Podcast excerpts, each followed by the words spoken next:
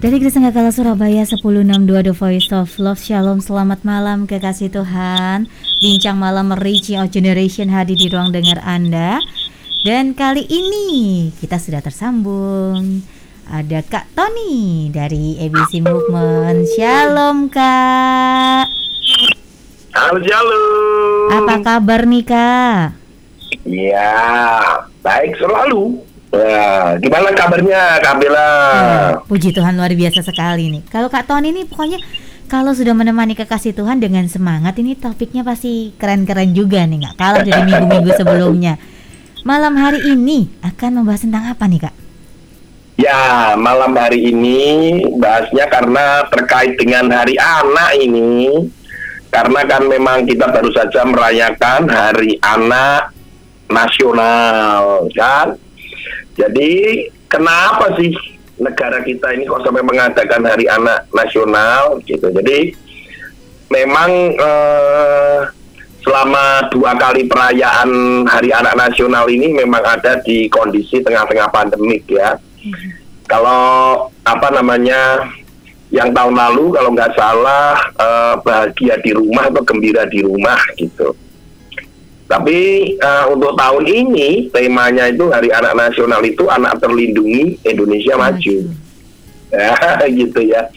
Jadi memang di tengah masa pandemi ini apalagi lagi maraknya tentang uh, Covid atau pandemi yang ternyata berdampak bagi anak-anak gitu ya. Kalau tahun lalu kan anak-anak sepertinya tanda petik sedikit diabaikan karena dianggap memiliki imun atau antibodi yang cukup kuat sehingga jarang ditemukan anak-anak yang uh, terpapar COVID gitu.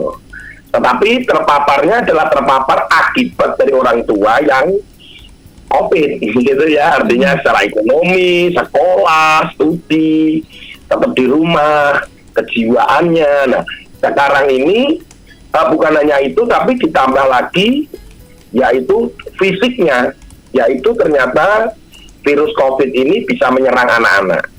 Tetapi tetap tidak bisa dipungkiri untuk apa namanya pemulihan dan uh, efeknya itu memang berbeda dengan orang dewasa. Ya tentunya secara persentase sih orang dewasa memang lebih banyak yang terpapar. Kenapa? Karena orang dewasa lebih banyak beraktivitas di luar hari-hari ini tetap bekerja, tetap beraktivitas sementara anak-anak masih online di dalam. Nah, kebanyakan yang terpapar adalah mereka yang memang tidak uh, mengikuti protokol kesehatan dan sering bermain di luar. Hmm. Nah, atau anak-anak yang terpapar dari orang tua yang memang terpapar di luar gitu. Nah, dari hal ini kita ini uh, apa namanya pemerintah itu lewat Kementerian uh, Perlindungan Anak dan Perempuan itu benar-benar melihat bahwa anak-anak ini perlu dilindungi gitu loh kak. Sehingga tidak heran temanya adalah anak terlindungi untuk Indonesia maju. Nah gitu. saya melihatnya gitu sih. Itu yang akhirnya pemerintah mencoba. Saya melihat dari tema ini ya, saudara bahwa para uh, hamba Tuhan, pendeta, guru, kepala sekolah semuanya kita lihat bahwa kata-kata Indonesia maju itu menjadi sebuah tagline buat saya adalah sebuah harapan. Jadi uh, jangan sampai anak-anak ini, generasi ini itu kehilangan harapan, kehilangan cita-cita, kehilangan kepercayaan, baik itu kepada Tuhan maupun kepada pemerintah gitu ya. Jadi ini benar-benar kita harus melihat sebuah sebuah visi ke depan yang cukup absolut gitu ya, cukup keren banget bahwa optimisme untuk Indonesia lebih maju, lebih, lebih baik itu ditanamkan sejak anak-anak gitu. Nah nanti kita akan bahas apakah si uh, apa anak ini terlindungi dari apa gitu ya bagaimana melindungi anak-anak. Hmm. Nah, itu nanti kita bahas dalam pembicaraan dan percakapan kita selama kurang lebih satu jam ini, bilang. Iya, benar-benar karena anak ini kalau dulu mungkin HP itu kan nggak nggak terlalu dipegang oleh anak-anak ya kak ya. Jadi mungkin penggunaan TV atau HP kan masih bisa direm. Kalau sekarang kan uh, karena kul uh, kuliah sekolahnya online, Iya, jadinya kan bergadget ria dan udah banyak bisa mendapatkan berita-berita. Apalagi tidak bisa dipungkiri berita itu orang-orang sekarang itu membahasnya itu malah yang ya bukan malah membuat adem ya kak ya. Kadang malah kita tuh terkena parnonya sendiri karena banyaknya media yang masuk ke kita. Nah, betul. Jadi eh, jadi gini nih, contoh nih, kan ini termasuk juga nanti ya berita-berita hoax ini kita harus lindungi anak-anak dari berita-berita yang nggak benar. Jangankan anak-anak, kita yang dewasa aja masih juga ter apa namanya teracuni. Ini saya lagi lagi eh, sebelum ROG ini tadi saya sedang berdebat nih dengan satu satu berita yang ada di ke- kelompoknya pendeta-pendeta kan kenapa ya isu jan, isu Agustus itu katanya wah begini-begini saya bilang itu kalau terjadi dan sebaran ke mana-mana kira-kira efeknya apa ya saya bilang? Sederhana aja. Efeknya apa ya? Pasti terjadi ras kalau terjadi ras ngapain ya? Gampang toh sebenarnya kan harus bijak. Bahwa oh berita ini kalau sampai disebarkan begini berarti ada agenda apa? Gitu. Artinya untuk menimbulkan apa? Itu aja orang dewasa yang pendeta aja nggak bijak kok gitu. Untuk meresponi ini loh ya ya saya ini saya gini ini saya lagi jengkel oh, pendeta tidak memberitakan yang damai sejahtera harus diselidiki dulu beritanya disebarin macam-macam.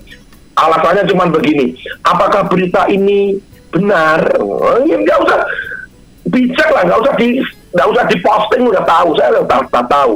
Katanya ini dari uh, badan intelijen negara lah opo lah gitu ya. Ini kan tidak tanyain saya tak mm, gitu aja. Kenapa? Jengkel saya kenapa? Ini pasti tidak akan tersebar ke mana-mana. Dari mulut ke mulut. Kita tidak membawakan damai sejahtera malah menimbulkan ketakutan kekhawatiran. Nggak pantas sebagai orang percaya kayak begitu tuh nggak pantas. Gitu ya. Oh, apalagi hamba Tuhan nggak pantas saya bilang biar yang dengerin biar anu sekalian. Nggak apa-apa karena banyak kita tuh latah. Latah membagikan nggak apalagi konsumsi anak-anak. Itu lebih bahaya sekali. Nah itu bisa cepat atau lambat yang diterima anak-anak gitu kan apalagi nulis dengan maki-maki ini hamba-hamba Tuhan loh maki-maki dengan huruf besar di grup begitu kan maki-maki yang sana maki-maki yang sini saya heran tuh kayak gitu Nah, ini jadi anak-anak ini terpapar juga dengan berita-berita yang negatif, berita-berita yang uh, apa me- menjelekkan sana, menjelekkan sini, kayak gitu-gitu kak. Iya. Karena media sendiri soalnya slogannya sudah luar biasa kak. Bad news it good news soalnya. Mm-mm. Iya. Contoh nih ada orang uh, uh, nyam, menyumbang bes- besar gitu kan ya. Contoh nih ada, saya baru dapat nih. Uh, ada seorang keluarga besar menyumbang di Palembang, Sumatera Selatan 2 triliun untuk COVID. Gitu kan? Gede loh, 2 triliun itu besar loh. Tapi apa komentar ada di kelompok orang-orang Kristen? Jangan nyumbang pada pemerintah, buat apa? Korupsi, kayak gitu. Kayak gitu loh kok bisa nggak melihat sesuatu yang yang baik? Oh ya puji Tuhan ya gini. Itu korupsi ini begini nah, gitu. karena hatinya udah rusak. Jadi buat saya adalah anak-anak ini lebih berbahaya. Itu adalah apa? Salah satunya juga anak-anak nggak terlindungi dari hati rusaknya para orang tua dewasa ini. Juga tidak terlindungi dari hati, hati yang rusak dari pendeta, hamba Tuhan, orang tua, guru, kan gitu mereka malah dibiarkan untuk mendapatkan racun-racun itu gitu ya. Nah nanti kita akan bahas begini, artinya kita melindungi dari sisi apa gitu ya. Bagaimana kita bisa melindungi mereka? Ya kita harus melihatnya melihat Yesus aja bahwa Yesus itu melindungi anak-anak loh. Artinya Yesus itu juga melindungi anak-anak sehingga ketika dikatakan bahwa anak terlindungi, Yesus itu melindungi anak-anak. Sebagaimana Yesus melindungi anak-anak, seharusnya lah kita ini sebagai orang percaya, penggerak anak, pemerhati generasi, kita juga harus melindungi anak-anak sebagaimana Yesus melindungi mereka. Nah, menurut saya bahwa Yesus melindungi anak itu yang pertama melindungi apa? Yesus itu melindungi anak-anak dengan cara bahwa dia selalu menerima anak itu apa adanya dan melindungi dia dengan memberkati anak-anak. Nah, kalau Yesus saja melindungi anak-anak dengan menerima apa adanya, berarti kita juga harus melakukan yang sama kan? Anak-anak diterima dari kekurangannya, jangan hanya diterima kelebihannya, jangan diterima hanya kepandaiannya yang lebih pandai, lebih cantik, lebih kaya. Bukan begitu. Tuhan melindungi anak-anak itu dengan menerima anak-anak itu apa adanya. Ketika Yesus menerima anak-anak itu ketika dia sedang istirahat habis pelayanan dan saat itu dilarang oleh murid-muridnya ketika anak-anak ini mau datang kepada Yesus, Yesusnya marah dengan murid-murid itu. Artinya Yesus mau menerima anak itu walaupun keadaannya mungkin nggak pas, nggak tepat. Kan Yesus habis pelayanan, yang mestinya harusnya istirahat lah gitu. Tapi enggak tuh, dia tetap menerima anak-anak itu dan memberkati. Jangan lupa, di dalamnya itu ketika dia menerima, Yesus itu menjadikan anak-anak itu menjadi pusat juga. Hmm. Ketika di dalam pengajarannya, saat itu dia menganggap anak-anak ini menjadi pusat di dalam pengajarannya dia. Apalagi ditambahin tentang waktu itu ngomong tentang pembicaraan tentang kerajaan Allah. Tuh kan anak-anak ini dilindungi dengan berkat itu juga. Bayangin kalau Tuhan Yesus memberkati mereka. Nah kita kan juga harus memberkati anak-anak. Sudahkah orang tua memberkati anak-anaknya tiap pagi? Sudahkah kita mendoakan anak-anak? Ya kayak gitu kan? Jadi melindungi anak-anak itu bisa jadi dengan cara begitu seperti yang Yesus lakukan. Yang kedua, Yesus melindungi anak-anak itu dengan apa? Nah, Yesus melindungi anak-anak itu dengan identitas dan gambar diri. Jadi anak-anak nih sekarang ini yang nggak punya identitas itu banyak, baik itu secara secara legal ya, artinya legal itu dia nggak punya KTP, nggak punya KK, akte kelahiran lah. Ternyata di Indonesia ini kan lebih dari 2 juta anak itu nggak punya akte kelahiran loh kak. Oh kita yang ada di kota ini aja merasa bahwa akte kelahiran itu sudah otomatis. Ya kita uh, ada teman kita punya anak, saya punya anak. Akte kelahiran itu tinggal dilaporkan aja beres, apalagi secara online sekarang. Itu pasti keluar lah akte itu. Tetapi tidak demikian di di di Papua, kemudian di apa di pedalaman Sulawesi Tengah misalkan Nah, itu mereka yang ada di pedalaman, kemudian ada di desa-desa, menganggap akte kelahiran itu nggak penting, jadi apakah dia warga negara? Ya tidak, secara secara legalnya kan tidak. Kenapa? Dia tidak punya dokumen sebagai warga negara. Makanya dari itu banyak anak-anak yang perlu identitas yang harus negara bangsa ini lakukan. Dulu uh, di teman-teman kan juga pernah itu kita mengadakan uh, untuk uh, apa namanya mengadakan apa tuh waktu itu ya Bib ya APP ya apa menikah ya ya waktu anak itu ya uh, dicarikan yang nggak punya akte dan sebagainya diusahakan supaya punya akte karena itu terkait dengan sekolah mereka. Nah, tetapi itu kan yang yang formal. Mm -hmm. Ada juga yang yang lain, anak-anak itu tidak punya identitas dalam arti aku ini siapa. Itu kan secara psikologisnya. Kita harus lindungi anak-anak sehingga dia punya dignity. Dia punya satu uh, kebanggaan. Kalau kita kalau kita lihat firman Tuhan dikatakan di dalam Yesaya itu dikatakan bahwa kamu ini uh, eh, Mazmur, kamu ini adalah ciptaan yang ajaib, yang dahsyat, ajaib. Tetapi kamu sadar nggak? Karena Daud menuliskan aku menyadarinya. Nah, anak itu kalau nggak sadar bagaimana identitasnya sebagai ciptaan yang sempurna, yang ajaib, yang dahsyat, eh, bagaimana dia bisa percaya diri? Banyak anak-anak yang minder, banyak anak-anak yang merasa dirinya nggak mampu, padahal potensi yang Tuhan berikan luar biasa. Itu caranya adalah bagaimana kita melindungi anak-anak seperti Yesus memberikan identitas dan gambar diri. Artinya di mana waktu itu? Artinya ketika apa namanya kok identitas dan gambar diri. Anak-anak ini waktu Yesus menyambut anak-anak dan itu saat itu dia diletakkan di tengah, itu kan artinya dia diakui, dia diterima. Kemudian dia sebagai ciptaan yang berharga. Bahkan anak-anak ini diberikan identitas dikatakanlah, dikatakan begini kan, mereka inilah yang empunya kerajaan surga. Lu kan keren itu. Seperti mereka inilah yang empunya kerajaan surga. Betapa anak itu seneng ketika Yesus sudah gini, ha? Aku ini memilih kerajaan surga. Seneng banget tuh. Saya cukup mengerti ketika identitas itu begini kak. Saya ini punya pengalaman. Hmm saya ini secara secara jasmani punya papa. Ya, tetapi ayah saya meninggal ketika saya kelas 5 SD. Saya tidak punya ayah rohani yang mana membimbing saya secara rohani, kemudian ada di samping saya yang memperhatikan saya. Itu saya nggak punya di dalam proses pertumbuhan saya. Papa saya meninggal waktu saya kelas 5 SD, dan baru bertobat kurang lebih satu tahun sebelum dia meninggal. Jadi kan saya tidak punya waktu di doa bersama ke ngapain ke ini enggak. Sehingga saya punya perasaan ketika yang pertama saya punya papa itu ketika saya menikah. Karena saya punya papa mertua kan. Mm-hmm.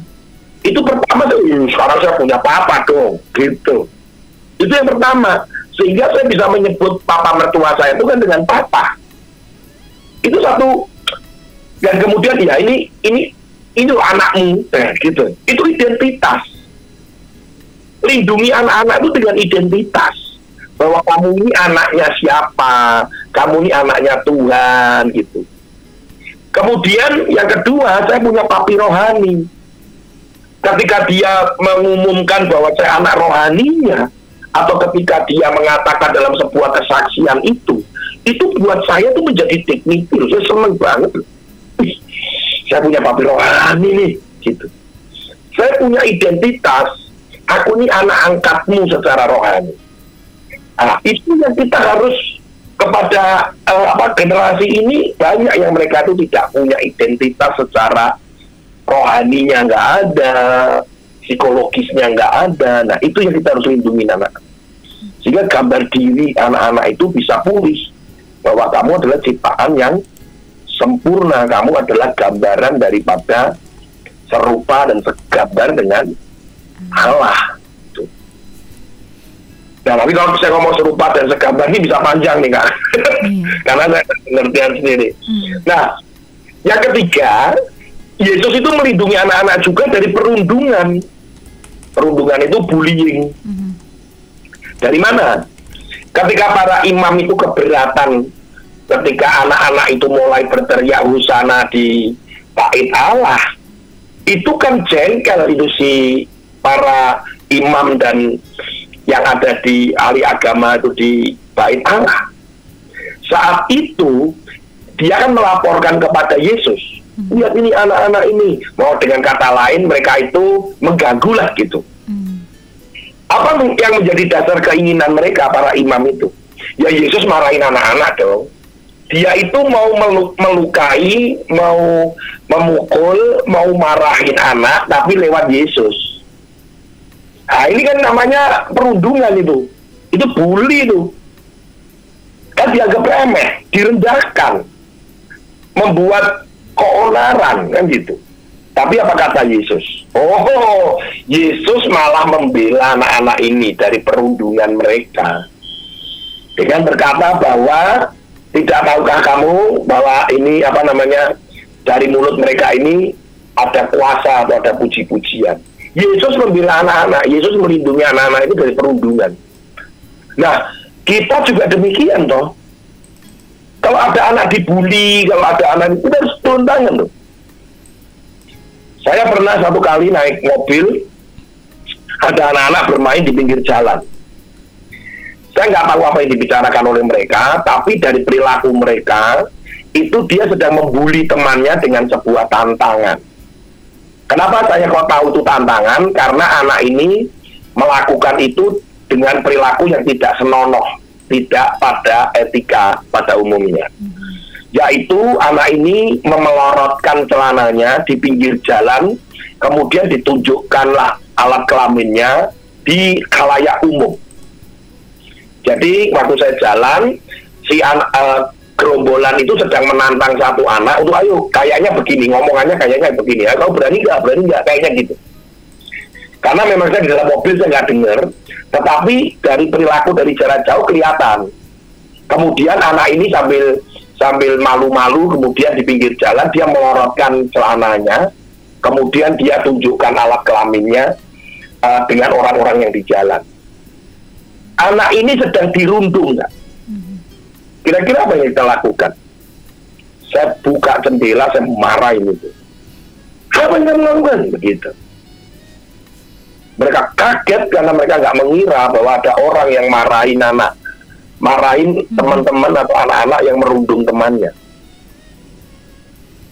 Ya memang saya tidak tunggu terus kemudian saya mukulin mereka itu ya tidak kan tidak. Tapi saya cuma mau memberikan warning bahwa apa yang dia mereka lakukan itu adalah perundungan dan itu uh, melecehkan anak atau temannya. Kak, apa yang kita bisa lakukan ketika anak-anak itu diperlakukan tidak adil? Anak-anak itu diperlakukan semena-mena oleh temannya, oleh lingkungan. Apa yang kita bisa lakukan? Bisakah kita melindungi anak-anak itu seperti Yesus melindungi mereka dari perundungan? Anak-anak selalu dianggap remeh, anak-anak selalu dianggap gak bisa. Di gereja mungkin. Hmm. Gak sadar loh kadang pendeta bala juga melakukan perundungan pada anak-anak tuh gitu kan hmm. dianggap ini dilecehkan itu apa apa banyak itu tanpa sadar mungkin dianggap sebuah candaan hmm. tetapi kalau itu sudah uh, menyakiti ya itu itu namanya memang perundungan jadi kekerasan pada anak tapi mungkin dari kata-kata verbal lah ya apa gitu yeah. nah itu tiga dulu kak, ayo yes. nanti kita lanjutkan setelah pesan kesan Informasi dan pujian berikut ini ya kak Tony ya. Iya iya kak. Siap. Buat Anda kekasih Tuhan jangan ke mana-mana. Sejin terus di 1062 The Voice of Love. Kami akan kembali setelah informasi dan pujian berikut ini. Radio Sangkakala Surabaya. Kekasih Tuhan, persoalan dan pergumulan hidup terkadang membuat kita tidak mengerti apa yang harus kita perbuat. Namun Tuhan mengerti atas setiap persoalan yang sedang kita hadapi dan sanggup menolong kita, sebab ada kuasa di dalam kasih-Nya. Kekasih Tuhan, ikuti program Kuasa Kasih setiap Selasa pukul 10 malam.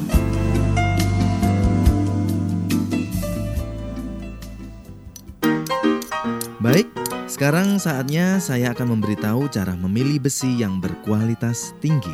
Pertama-tama, tepuk-tepuk besi tepat di bagian tengah. Dan apabila berbunyi pung pung pung, berarti besi itu berkualitas tinggi. Itu caranya milih semangka lagi. Kalau begitu, cara yang kedua. Untuk memilih besi yang terbaik, kita harus mencium baunya.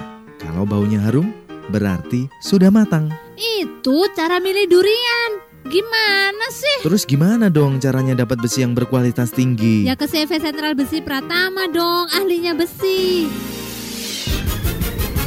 Anda membutuhkan beraneka ragam besi yang berkualitas tinggi dengan harga terjangkau dan bersaing? CV Sentral Besi Pratama menyediakan beraneka ragam besi, mulai dari besi beton, polos, dan ulir, besi as, kanal CNP, INP, UNP, WF, HBIM, pipa air, pipa gas, pipa kotak, pipa korek, plat bordes, plat eser, plat kapal, siku, strip, firkan ulir, firkan polos, firkan embos, kawat loket, kawat las, belt mesh, atap galvalum, aksesoris pagar, dan gerinda. Semuanya bisa Anda dapatkan di CV Sentral Besi Pratama.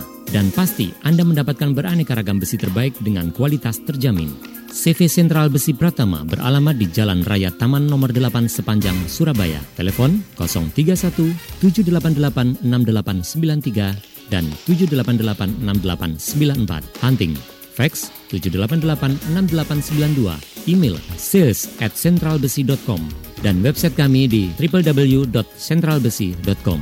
CV Sentral Besi Pratama, harga bersaing, kualitas terjamin. Firman Tuhan adalah dasar kehidupan yang harus kita perhatikan. Dengarkan, renungkan, dan terapkan dalam hidup. Sangat penting bagi kita untuk terus membekali jiwa kita dengan firman Tuhan.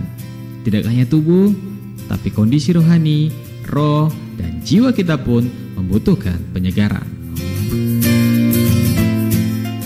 Word of God hadir setiap hari pukul 5 pagi dan 9 malam. Jadikan firman Tuhan sebagai standar hidup dan kompas yang memberikan petunjuk arah hidup kita ke jalan yang benar. Tuhan Yesus memberkati.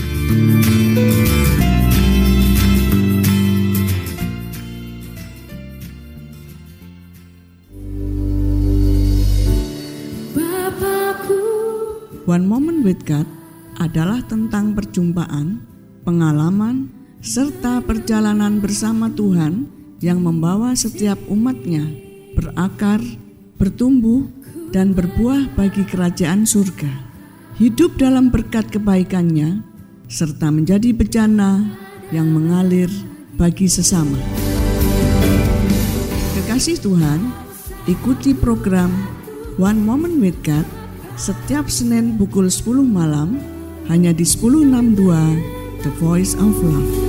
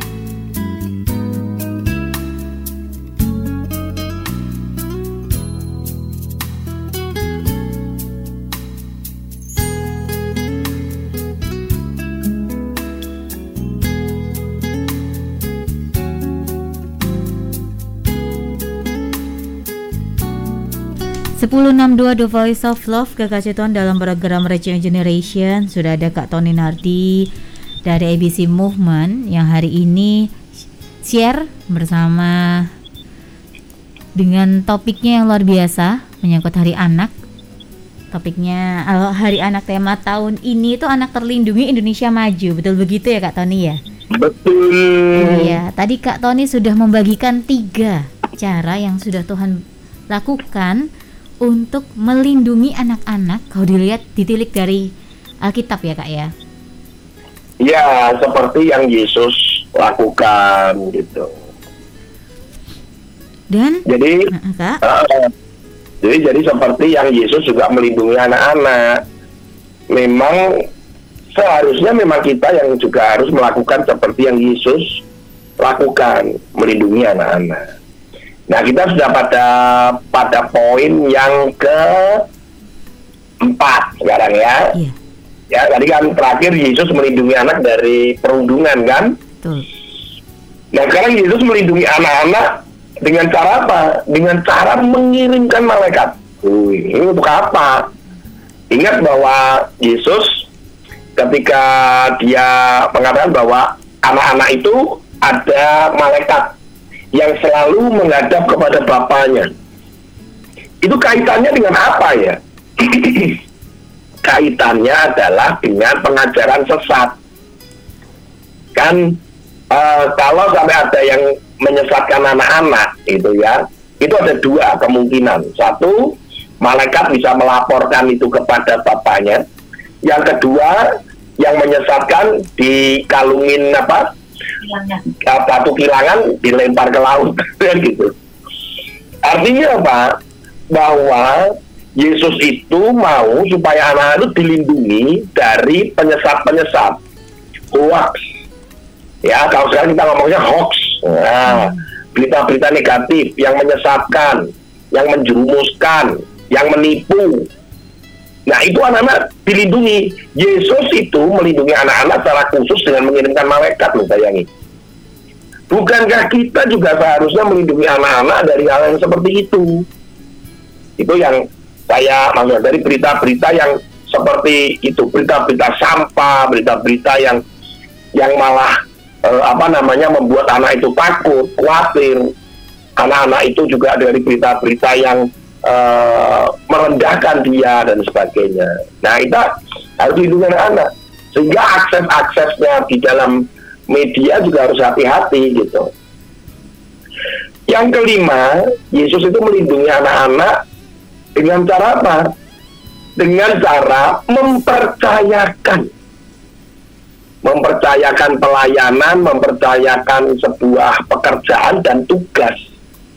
Tuhan Yesus itu percaya loh sama anak-anak. Itu melindungi anak-anak untuk dia menemukan apa ya? Menemukan panggilannya itu. Dan dia belajar untuk bertanggung jawab. Yesus melindungi anak-anak dengan cara itu. Nah, sudahkah kita mempercayakan eh, anak-anak itu? Atau di dalam pelayanan, di dalam pekerjaan, dengan cara apa? Yesus itu, kalau dilihat dari Yesus, itu Yesus menerima roti dan ikan itu. Itu dari anak-anak. Walaupun lewat Andreas.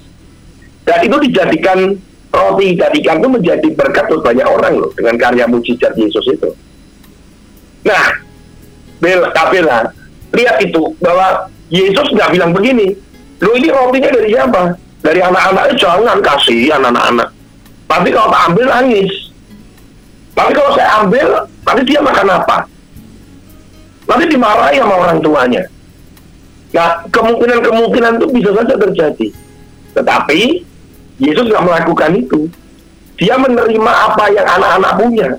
Artinya anak-anak itu dipercaya bahwa melalui dia apa yang dia punya, apa yang dia bisa, bisa menjadi partner mitra dalam pelayanan bersama-sama Yesus gitu loh. Nah, selama ini bagaimana dengan kita? Meremehkan anak-anak atau kita tidak mempercayakan sesuatu pada anak-anak?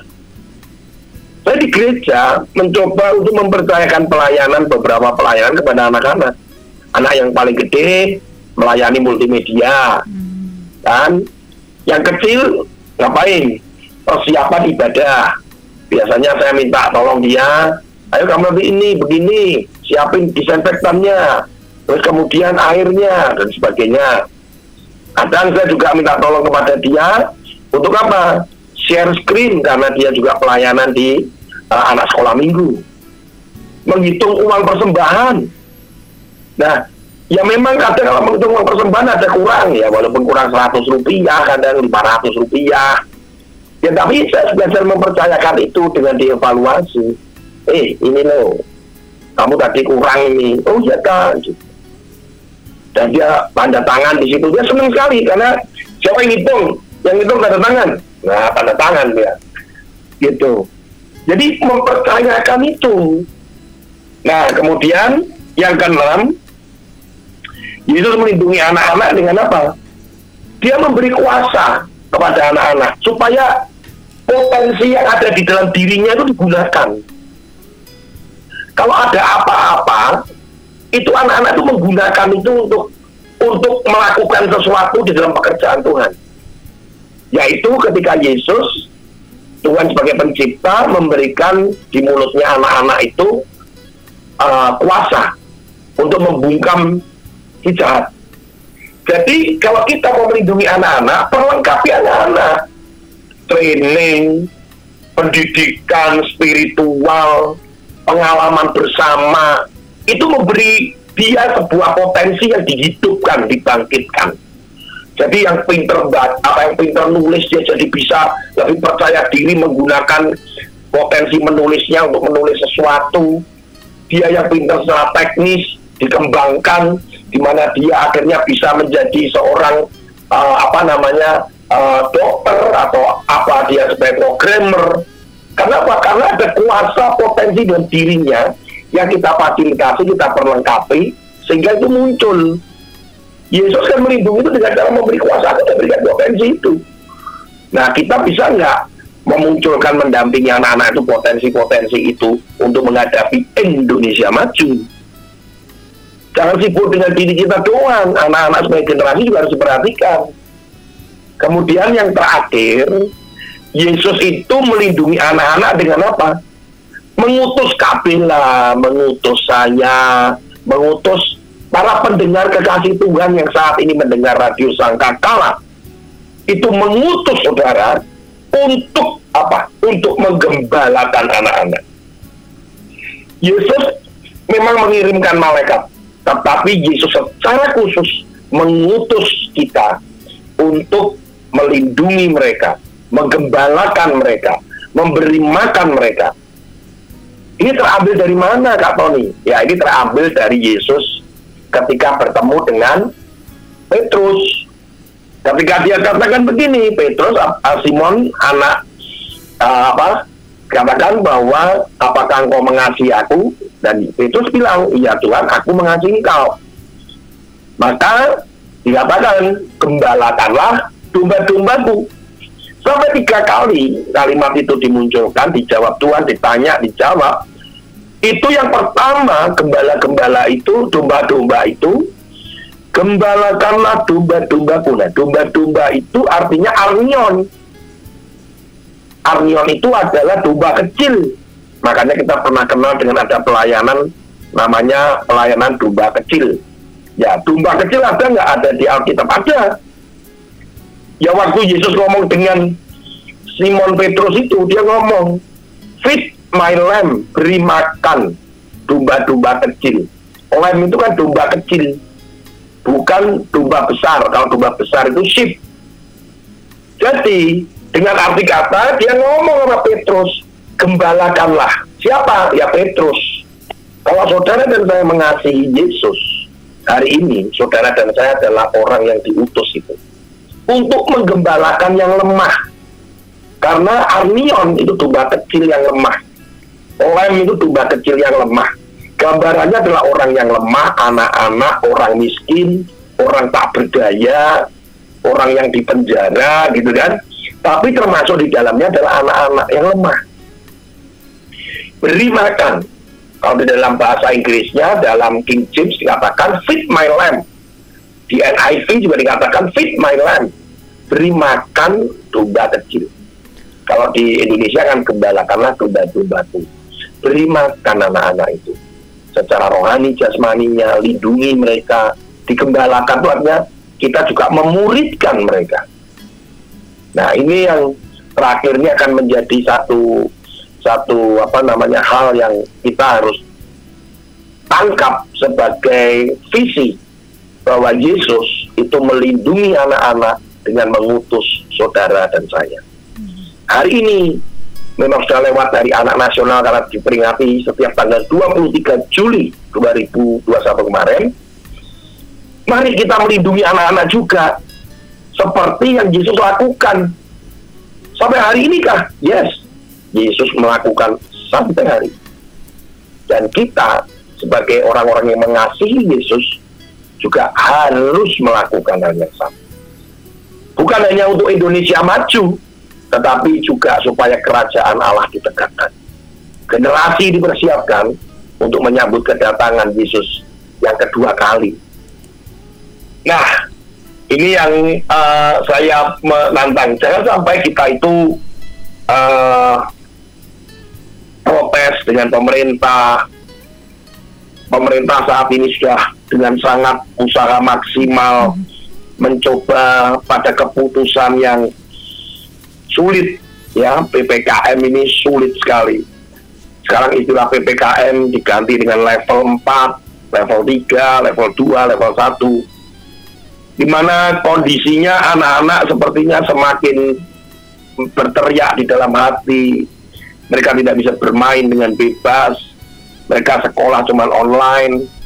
Sekarang anak pemerintah melindungi anak-anak juga dengan vaksin. Jadi ada gerakan vaksin cepat yang harus juga terjadi pada anak-anak. Jumlah anak di Indonesia ini kalau dari 0 sampai 18 tahun itu sekitar 84 juta. Nah sementara yang di milenial milenial itu yang bisa dapat vaksin itu ya separuhnya lah sekitar 40 jutaan. Sementara vaksin yang disediakan oleh pemerintah saat ini yang sudah ada dalam sebuah kontrak itu 208 juta atau berapa gitu. Nah, pemerintah sudah berusaha untuk memberikan secara maksimal untuk melindungi anak-anak. Pemerintah juga melindungi anak-anak dengan cara apa? Dengan studinya diberikan kuota. Pemerintah melindungi anak-anak dengan cara apa? Dengan mereka uh, orang tuanya, lewat orang tuanya orang tuanya diberikan bantuan langsung tunai, keringanan untuk tidak ada kenaikan listrik, subsidi listrik di bawah 900, kemudian tidak ada kenaikan BBM. Ada begitu banyak subsidi-subsidi yang keluar, belum pajak, belum ini, belum itu. Kok nggak ada yang langsung, kok sedikit ya yang ke anaknya langsung. Kak, perhatikan baik. Sebelum menyentuh anak, itu orang dewasa harus kena dulu. Ingat ketika kita kalau naik pesawat ya, Kak, Kak Bella pasti pernah naik pesawat. Ketika naik pesawat, ketika mendapatkan arahan instruksi tentang keamanan, si pramugari atau pramugara selalu mengatakan bahwa ketika tekanan udara itu uh, turun, maka akan muncul yang namanya uh, apa namanya seperti masker oksigen. Selalu dikatakan bahwa orang dewasa dulu yang harus pegang, harus memakai. Jangan anak dulu, tapi orang dewasa dulu. Kenapa? Karena ketika kita sudah aman, posisinya sudah safe, maka kita bisa berpikir jernih dan kita harus segera menolong anak-anak. Baru anak-anak. Jangan berbalik. Kalau kita menolong anak-anak dulu, maka yang terjadi ketika kita nggak bisa apa-apa, kita lebih repot. Oleh karena itu, dengan prinsip itu juga, kita juga harus ditolong dulu. Sudahkah saudara ditolong oleh Tuhan? Saudara merasakan juga apa yang dilakukan oleh pemerintah untuk melindungi saudara? Dan dari hari ini sudah secara maksimal pemerintah melakukan itu, mari. Yesus pun juga sudah menyelamatkan melindungi saudara. Mari kita sendiri inilah yang akhirnya kita harus menyelamatkan, melindungi anak-anak demi masa depan yang lebih baik, demi Indonesia maju, demi kedatangan Tuhan yang harus dipersiapkan melalui anak-anak itu. Tuhan Yesus memberkati Kak. Terima kasih banyak Kak Tony karena apa yang sharing yang Kak Tony ini sebenarnya kalau dibilang singkat padat dan jelas loh kekasih Tuhan ya. Jadi sudah dirangkum sama Kak Tony bagaimana sih cara-caranya kita bisa melindungi anak? Sudah dikasih tips and trick. Dilihat dari kisah Tuhan Yesus dulu. Dan bagaimana kita sekarang menerapkannya ya Kak Tony ya? Yang diharuskan tidak cuma didengarkan tapi bagaimana kekasih Tuhan kita yang mendengarkan malam hari ini sama-sama melakukan bagaimana supaya anak-anak walaupun di rumah saja ya Kak ya tapi masih tetap aman nyaman bersama dengan orang-orang terkasih dengan keluarga inti bukan malah ibaratnya nggak merasa terlindungi gitu ya Kak Terima kasih banyak Kak Tony, sehat-sehat selalu. Tuhan berkati. Ditunggu minggu depan dengan topik-topik yang begitu luar biasa. Iya, iya, iya. Sehat-sehat selalu ya Kak Tony. Iya, Tuhan berkati Ya, Kak. Berkati dan kekasih Tuhan jangan ke mana-mana. Sesaat lagi akan hadir program Word of God di ruang dengar Anda. Akan hadir Pendeta Debbie Basir di ruang dengar Anda yang akan sharing temanya penderitaan badani. Jadi stay tune terus di 1062 The Voice of Love. Kami pamit dari ruang dengar Anda. Selamat malam dan Tuhan Yesus memberkati.